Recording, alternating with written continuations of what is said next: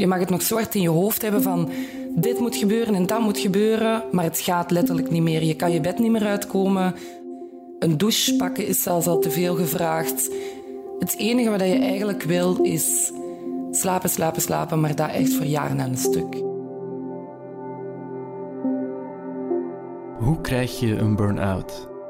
Hoe ingrijpend verandert die je leven en waar ligt de weg naar herstel? Onderzoekers van de UGent peilden in samenwerking met de Morgen naar de ervaring van meer dan duizend burn-out patiënten. Dit is de burn-out tape van Deborah. Ze is 28 en freelance journalist. Voor mijn burn-out was ik, eventjes denken, fulltime aan het werken in de horeca.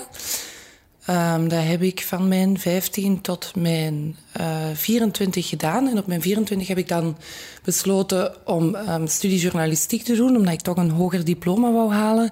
En altijd wel heel erg gepassioneerd bezig was met schrijven. Maar omdat ik toen samenwoonde uh, met mijn ex-partner, moest er natuurlijk ook huur betaald worden en rekeningen. Dus ik bleef wel altijd in de horeca werken. En daarbovenop deed ik ook nog de administratie van het restaurant uh, waar dat mijn vriend uh, chef was. Dus dat kwam er eigenlijk op neer dat ik in totaal toch wel een 80 uur per week ongeveer begon te doen. En voor mij leek dat op dat moment heel normaal, omdat ik altijd uit een situatie kwam uh, waar, het, waar het in de horeca 60 tot 70 uur werd gepresteerd. Dus voor mij leek dat niet zo erg om die 10 uur extra erbij te doen.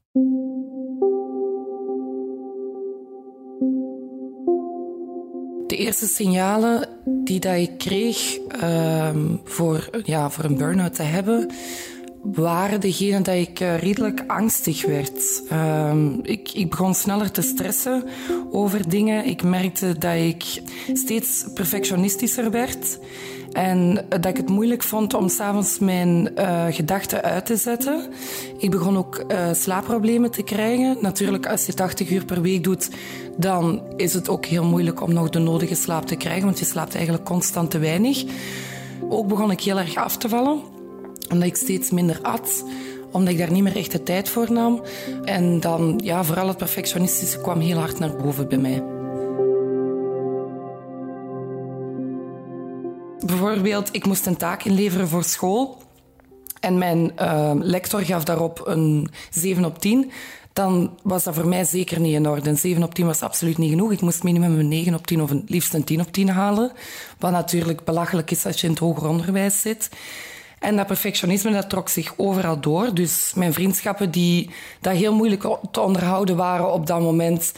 Uh, voor mijn gevoel faalde ik daarin, omdat ik daar niet meer genoeg tijd in kon steken. Dus ik probeerde ook daar perfectionistisch in te zijn. Mijn huishouden moest altijd perfect aan kant zijn, terwijl dat eigenlijk totaal ook niet haalbaar was als je al zoveel uren werkt. Uh, daarbovenop wou ik in, in de horeca, dus op mijn werk ook altijd perfect presteren. Alles moest in orde zijn.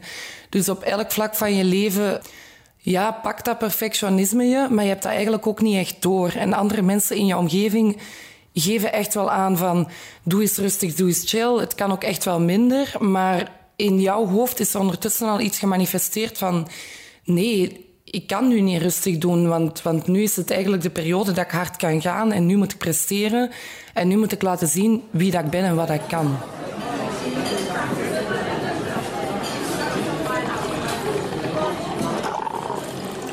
Ik was s'avonds aan het werken in het restaurant en op het moment dat uh, een gast vroeg om een koffie te zetten, stond ik aan de koffiemachine en ik had de percolator vast.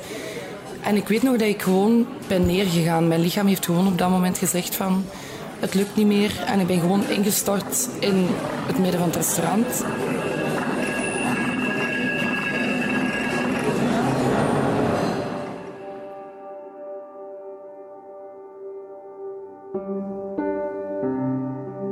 En dan heeft uh, mijn werkgever mij naar het toilet gebracht en mij zo proberen bij te brengen. Uh, gezegd dat ik wat water moest drinken en dan eigenlijk heel hard en cru heeft hem wel gezegd: Ja, kom, het restaurant wacht niet door. Je gaat door moeten. En dan heb ik nog wel mijn servies afgemaakt die avond. En ik weet nog, toen ik klaar was, dat ik een heel lange wandeling ben beginnen maken naar het werk. En dat ik eigenlijk totaal niet meer besefte dat ik aan het wandelen was en naar waar dat ik aan het wandelen was. Dus de bedoeling was natuurlijk om naar huis te gaan. Maar dat ging allemaal niet meer in mijn hoofd. En uiteindelijk ben ik dan toch thuis geraakt. En mijn toenmalige partner, ja, die wist ook wel dat er iets mis was, want ik had hem ondertussen al een berichtje gestuurd. En hij zei van, hey, morgen direct naar de dokter gaan. En de volgende uh, de nacht die dat toen is gekomen, heb ik een heel zware paniekaanval gehad. Waarin dat hij dacht dat hij de ambulance moest bellen omdat ik een hartaanval kreeg of zo. Maar dat was natuurlijk niet. En dat was eigenlijk gewoon de stress die dat zo hard op mijn lichaam, fysiek en mentaal was geslagen, dat mijn lichaam daar niet meer mee kon kopen. En uh, dat dat resulteerde in heel zware angstaanvallen. Dus dat ik letterlijk verstijfde, dat ik niks meer kon uitbrengen. En uh, vanaf dat moment is eigenlijk de, de echte crash erdoor gekomen.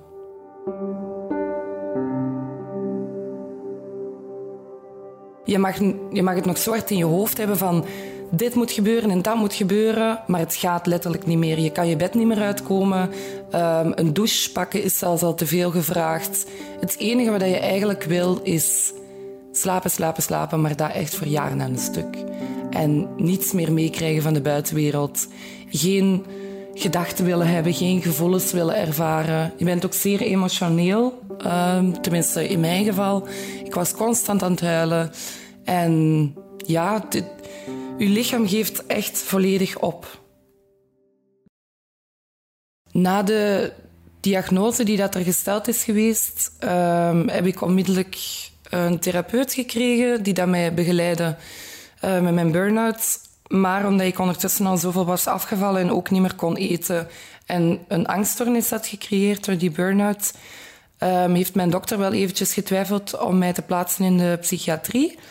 En omdat ik dat volledig niet zag zitten en mijn mama ook niet, um, ben ik toen verhuisd van Antwerpen naar Vosselaar en ben ik bij mijn mama gaan wonen. En die heeft eigenlijk een jaar voor mij gezorgd.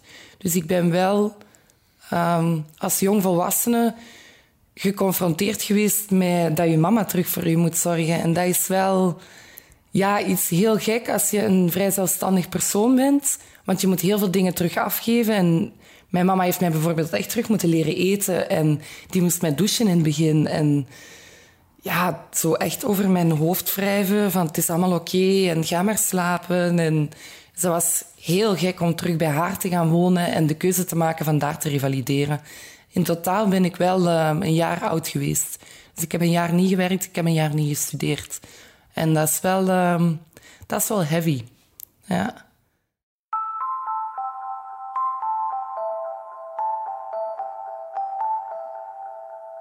Mensen vonden dat heel moeilijk om te plaatsen dat ik ineens uitviel. Um, ik ben wel mensen daardoor verloren. En dat waren voornamelijk mensen die niet konden begrijpen wat dat een burn-out was. Die niet snapten waarom dat Deborah ineens zo zwak was. En um, niet meer kon afspreken wanneer dat het hun paste of uitkwam. Ik heb daardoor ook veel andere mensen in mijn leven leren kennen. En eigenlijk doorheen je herstel en natuurlijk met je therapeut en je dokter leer je wat bepaalde zaken van energie vragen en hoe dat je daar uh, keuzes in moet maken.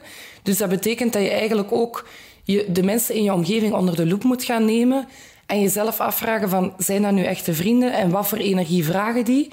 En krijg ik daar zelf ook energie terug uit die vriendschap?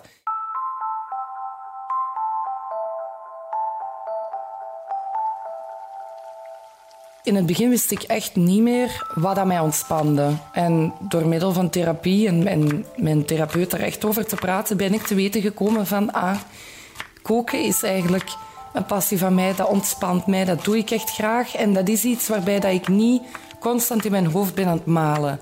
Dus ik ben terug begonnen met koken. En nu in mijn leven, ja, ik kook elke dag. Ik vind dat super fijn om te doen. Dat is mijn momentje wanneer dat ik thuis kom van mijn werk. Even alles af en ik zit helemaal in mijn ding van groenten te snijden en, en te proeven en te ruiken. Dat is ook heel belangrijk om je zintuigen um, je werk te laten doen. Uh, daarbovenop doe ik yoga. Um, ik mediteer s'avonds voordat ik ga slapen. Dat heb ik geleerd dat dat heel belangrijk is, zodat ik um, toch mijn mind een beetje kan afzetten. Omdat dat wel iets is wat altijd zal blijven. Ik heb geleerd dat echte vriendschappen die dat mij energie geven, dat dat heel belangrijk is om minstens wekelijks af te spreken en te lachen. Echt te lachen van binnenuit. Je voelt dat dat, dat, dat iets is. Daarna van, ah, ik ben, ben compleet ontspannen en ik voel me echt goed. Dus dat zijn zo'n beetje de dingen die dat ik elke dag, zeker wekelijks doe. En daarnaast ehm, schrijf ik natuurlijk, creatief ook buiten mijn job om. Ehm, ik lees heel veel. Dat doet mij heel goed om, om dingen bij te blijven leren in het leven. En ik um, doe vrijwilligerswerk. Dus ik zit in het uh, bestuur van een VZW die daar zich inzet rond um, sensibilisering van burn-out. En daar haal ik ook enorm veel voldoening uit. Ik denk dat er een mogelijkheid is om van een burn-out te genezen en je leven zo in te richten dat je echt een comfortabel leven leidt en dat je geen symptomen meer uh, hebt. Maar ik denk wel dat het iets is wat altijd op de loer zal blijven liggen. Ik heb mijn leven nu bijvoorbeeld zo ingericht dat er genoeg tijd is om aan mezelf te werken en dat ik genoeg ontspanning pak per week. Maar ik weet wel, als ik dat twee weken overslaag, nou, dan ga ik mezelf toch wel vrij snel slechter beginnen voelen. En hoe slechter dat ik mij voel, hoe harder dat, dat perfectionistische terug naar boven gaat komen. Dus de, de valkuil zal altijd aanwezig blijven. En ik denk dat het vooral belangrijk is, als, wanneer dat je een burn-out hebt gehad, dat je dat in je achterhoofd houdt. Je hoeft er niet meer constant mee bezig te zijn, maar je moet wel um, in je achterhoofd houden van, kijk, het gaat nu supergoed. En ik heb mijn leven juist ingedeeld en ik voel lichamelijk en psychisch dat het goed met mij gaat. Maar er bestaat een kans dat ik ooit een terugval zou krijgen als ik het niet op deze manier doe. Dus daarmee denk ik wel dat een burn-out altijd een onderdeel van je leven zal zijn. Nu, genezen is mogelijk in de mate inderdaad dat je comfortabel leeft. De Burnout Tapes is een podcast van De Morgen. Interviews door Fernand van Damme, montage door Dries Vermeulen, met eindredactie door Sam Vijs. Wil je reageren? Mail dan naar podcasts.demorgen.be. Bedankt om te luisteren. Volgende keer de Burnout Tape van Bjorn. Ik zeg, kijk, ik ga het me gewoon niet aantrekken. Ik ga doen alsof er niets aan de hand is. Ik ga gewoon opstaan en naar mijn werk gaan. Uh, ik ben uit mijn bed gestapt en ben wakker geworden op de grond uh, van mijn slaapkamer. Dus ik was terug uh, flauw gevallen. ik probeerde dan naar de living te gaan en mijn living dat is misschien maar vijf meter verwijderd van mijn slaapkamer. Maar tussen mijn slaapkamer en mijn living was ik vijf keer flauw gevallen.